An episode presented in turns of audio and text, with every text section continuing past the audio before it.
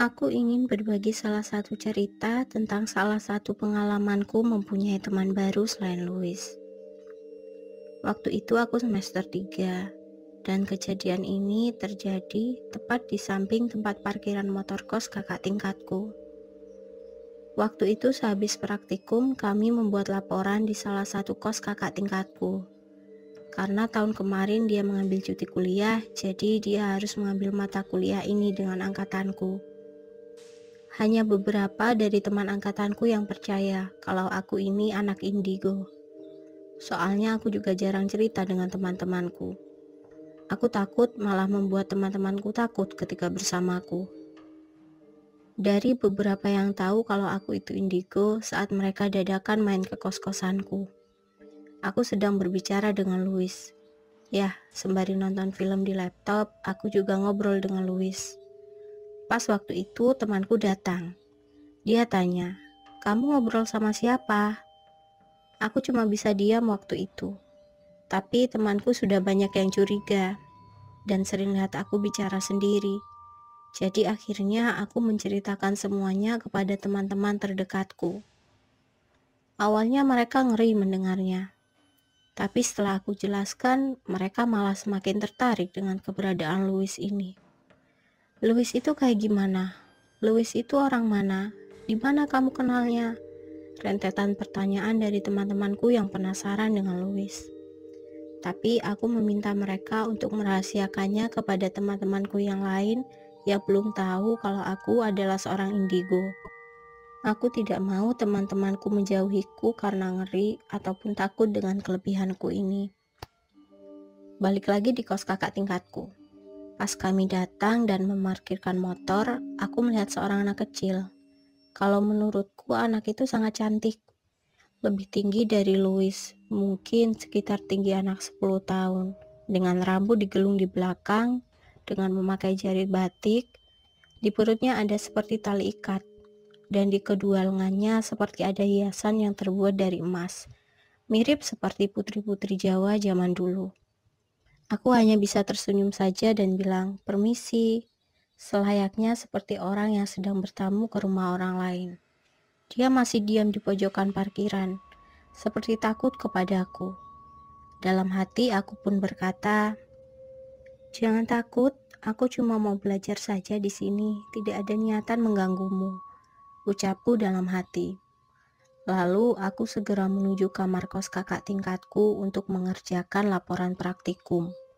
Karena ruangannya tidak muat untuk kami semua, akhirnya kami mengerjakan laporan di ruang santai. Saat kami sedang mengerjakannya, aku melihat anak kecil yang ada di parkiran tadi. Tapi dia tidak berani mendekat hanya melihatku di balik tiang utama rumah, sembari seperti mengajak main petak umpet. Dia mengintip dari bilik tiang tersebut lalu bersembunyi lagi. Aku masih cuek karena masih banyak yang harus aku kerjakan. Mungkin nanti saja setelah selesai baru aku tanyakan siapa dia.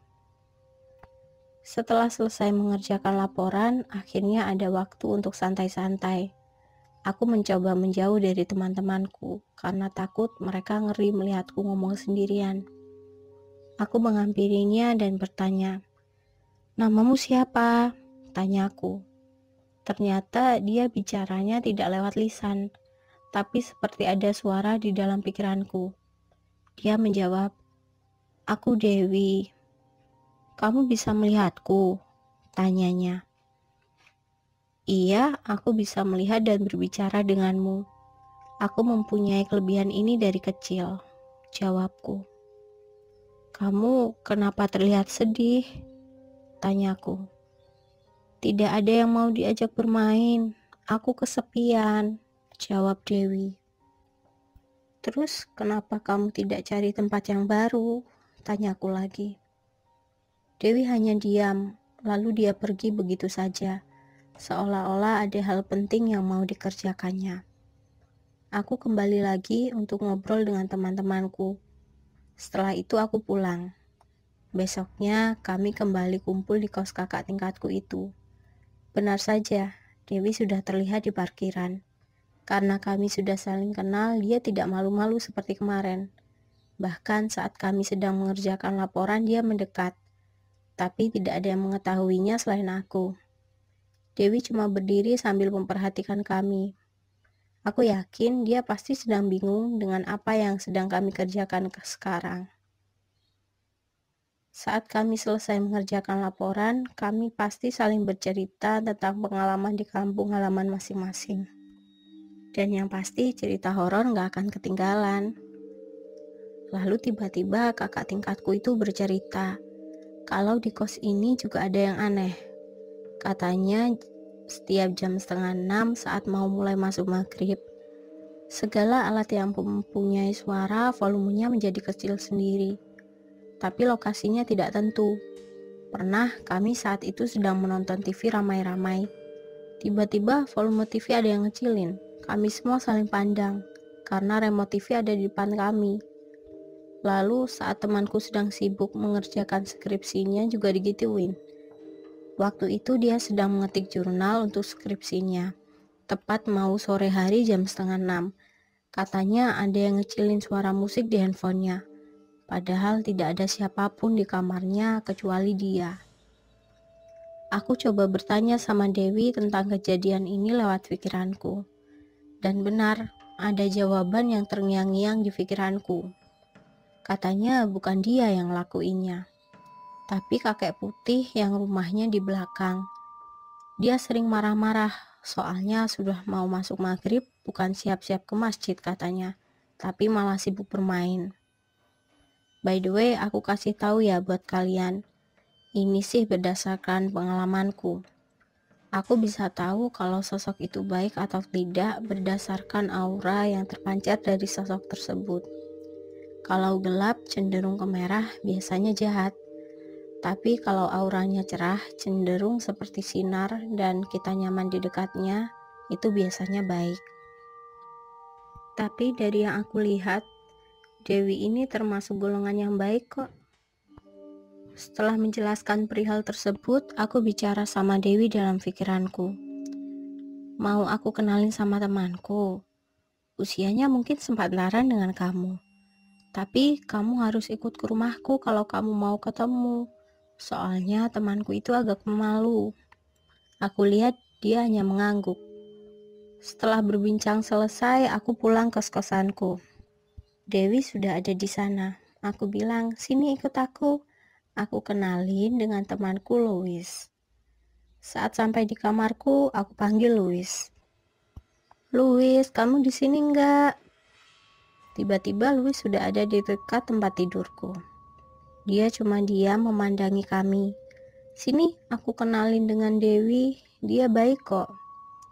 Louis agak malu-malu, seperti halnya anak kecil dia pelan-pelan mendekati Dewi, lalu disodorkannya boneka kesayangannya. Ya, aku bilang, mainnya di sini saja, jangan ke mana-mana, takutnya ada yang bisa lihat kalian.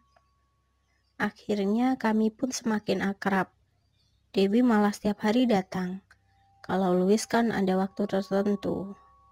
Aku jadi semakin sering ngobrol dengan teman baruku ini. Saat aku tanya, kenapa kamu tidak bisa jauh-jauh mainnya? Dia bilang karena jasadnya dikebumikan di kos tersebut. Dia sebenarnya ingin pergi dari situ, tapi dia ingin jasadnya dipindahkan. Aku kaget, kenapa bisa begitu? Katanya makamnya tertimbun tanah lama dan sudah tidak kelihatan. Lalu seiring berjalannya waktu, tanah tersebut dibangun menjadi rumah.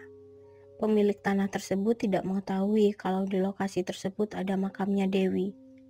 Aku tidak bisa berbuat apa-apa, hanya merasa kasihan dengan Dewi. Aku bilang, "Kamu yang sabar ya. Maaf, aku tidak bisa membantu kamu kalau masalah itu." Sampai aku lulus dari perkuliahanku, itu kami masih berteman baik.